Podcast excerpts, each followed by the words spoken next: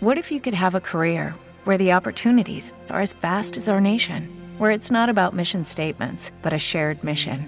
At U.S. Customs and Border Protection, we go beyond to protect more than borders from ship to shore, air to ground, cities to local communities. CBP agents and officers are keeping people safe. Join U.S. Customs and Border Protection and go beyond for something far greater than yourself. Learn more at cbp.gov/careers. Now this song is called the Internet Baby. And I could never believe the news when I see it on the BBC. Se hai unha web de referencia no mundo da ciencia, a tecnoloxía, o espazo, as curiosidades e un milleiro de cousas máis, esa é Microsiervos. Ah, ah,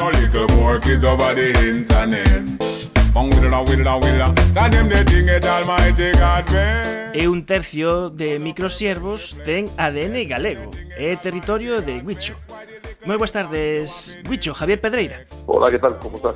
Xa estamos camiño a Marte, xa levamos dúas semanas dunha viaxe moi interesante de sete meses. Pois sí, desde o 14 de marzo que un cohete Proton M da Xencia Espacial Rusa chimpou o espacio a tres gas orbitar eh, o Schiaparelli de a Xencia Espacial Europea imos rumbo a Marte a estudiar un pouco a presenza de metano na súa atmósfera e a intentar aterrar dunha súa peza preparando unha misión futura na que un rover tamén intentará aterrar dunha súa peza para dar seus paseos por Marte. Ir a Marte, da que pode dicir que nos parece unha cousa rutineira, eh, non o é.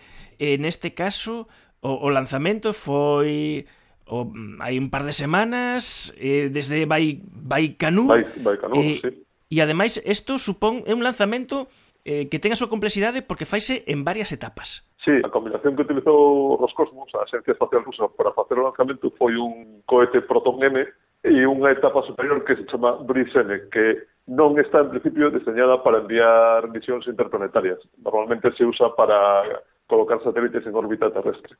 Entón o que fixeron foi un pouco de trampa foi subir a, a unha órbita de non moi eh, de non moita altura e co motor da, da etapa superior, da etapa Brixene, ir collendo impulso, cada vez un poquinho máis alto, un poquinho máis alto, un poquinho máis alto, e así ao cabo de cinco órbitas xa tiña o impulso de velocidade necesaria para partir rumbo a Marte. Para que nos demos conta eh, do delicado da, da operación, houbo hasta explosións. Non estaba previsto, pero sí, eh, esta etapa superior a Brixene unha vez terminada a súa tarefa de guindar o Ateo e o Esquepadeli rumbo a Marte, tiña que colocarse nunha órbita cementerio que se chama así, onde non molestara, e desactivar o seu sistema se quedar aí pois, centos ou, ou miles de anos sin molestar.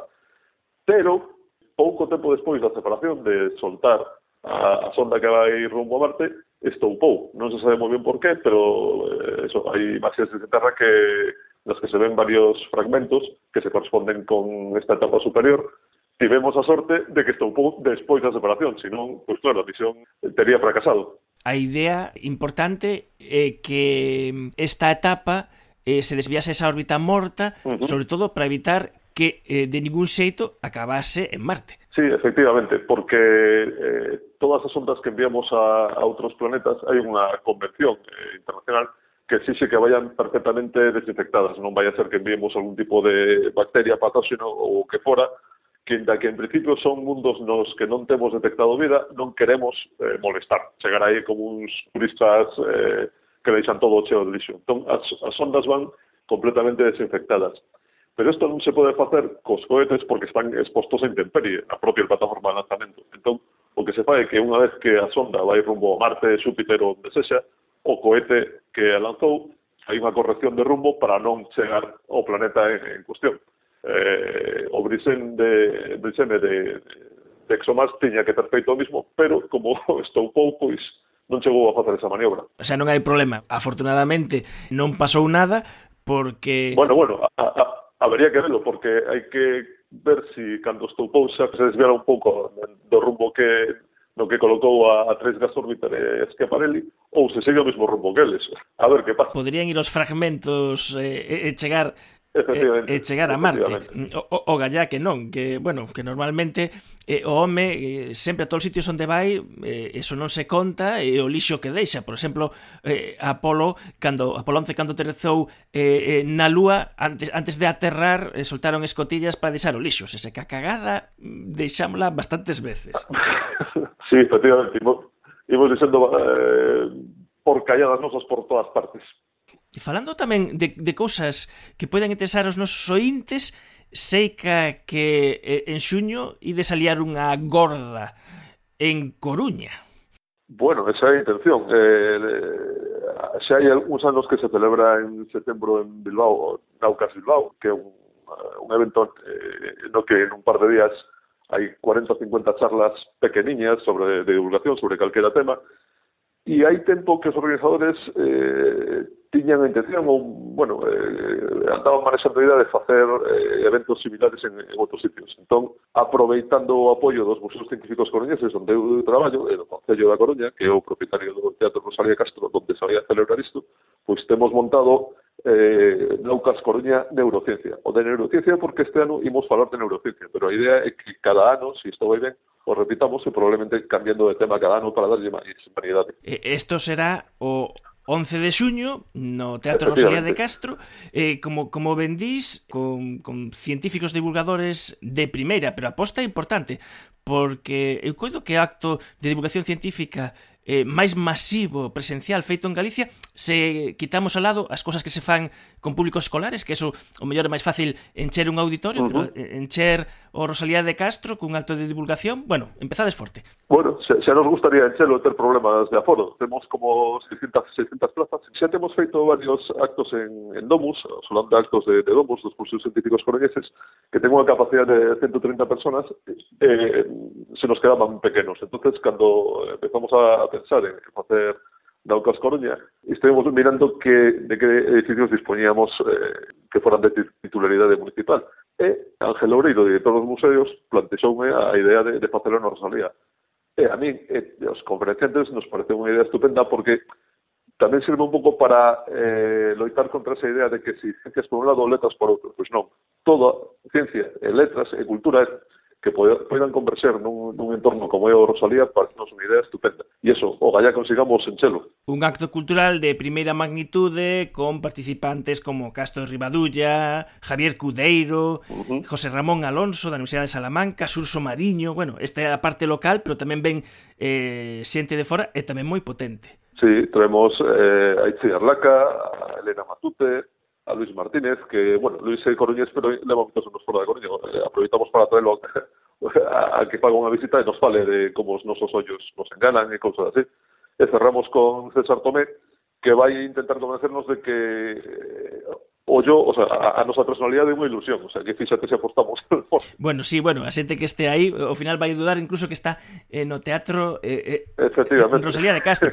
Eh, e unha, un último detalle importante, bueno, xa cando se achegue a data eh, anunciaremos recordaremos eh, eh este evento, pero o importante que tamén que é entrada gratuita. Sí, entrada libre e gratuita hasta completar a foro. De feito, dentro eh, ao principio manexábamos eh, a idea de facelo durante, eh, durante os días de, de diario da semana, pero ao final decidimos facelo un sábado para facilitar a xente de fora que veña, así que os que veñan de fora vive pronto non vai a desquedarse en sitio. Isto é Naucas Coruña, neurociencia dedicado neste, probablemente neste primeiro ano, no Teatro Rosalía de Castro, cun plantel de eh, grandes eh, divulgadores e, e tamén investigadores.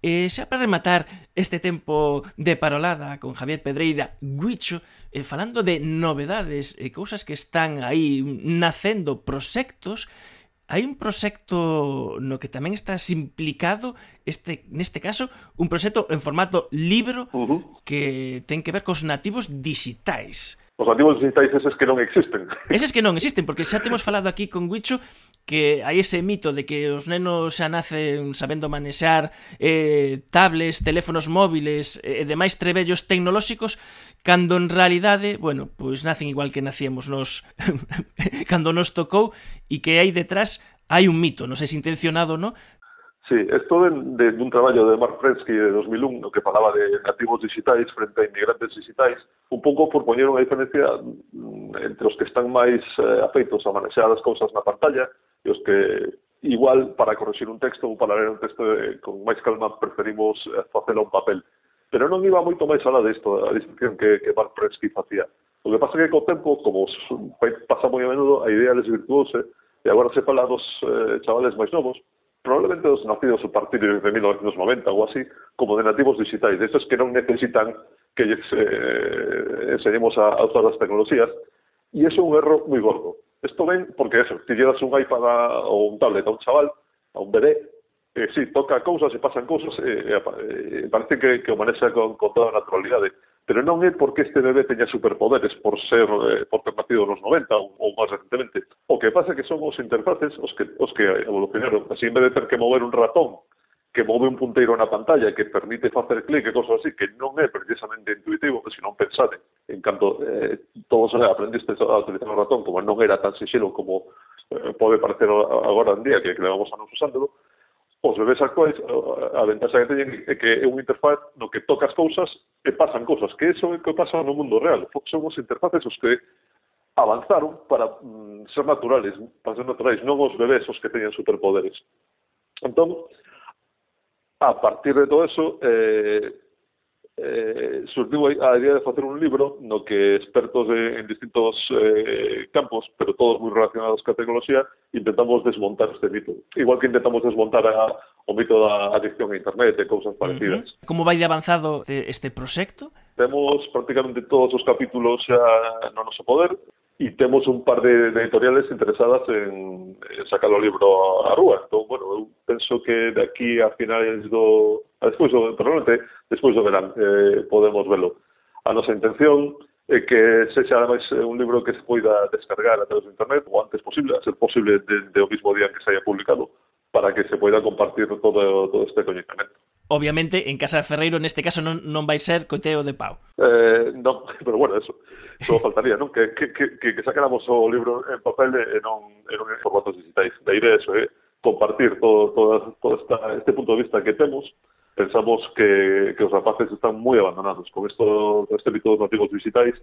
Eh, os sacas de Snapchat, de, de Instagram e de catro cousas máis e se perden. Non saben facer unha búsqueda en Google utilizando as comillas para delimitarla, eh, non teñen un mínimo de, de pensamento crítico a hora de ver os resultados do, do buscador, eh, non se plantexan por que as páxinas as que chegan están aí, nin, nin si se teñen que fiar ou non delas, pois, bueno, este tipo de, de cousas son as que queremos contar. Eh, por certo, estou a falar, a falar en plural porque esta iniciativa non é unha iniciativa miña, senón que en realidad eh, surdiu de, dunha conversa con Susana Lluna, que é unha persona que coñecín nun, nun acto no, no que estiven, comentou ela que teña que dar unha charla sobre, bueno, sobre o uso de tecnologías eh, por parte de adolescentes e cousas así. Alguén da mesa sacou o termo nativos digitais, entón eu puxenme verde, como se si fora Hulk, e dixen, NOR! Comentei a Susana todo o que tiña xa escrito de, acerca de, da non existencia dos nativos digitais, eh, pasei enlaces de formación acerca de todo isto, ela o incorporou na súa charla e como funcionou ben, lle pareceu un tema interesante, foi ela a que me liou para, para facer o libro.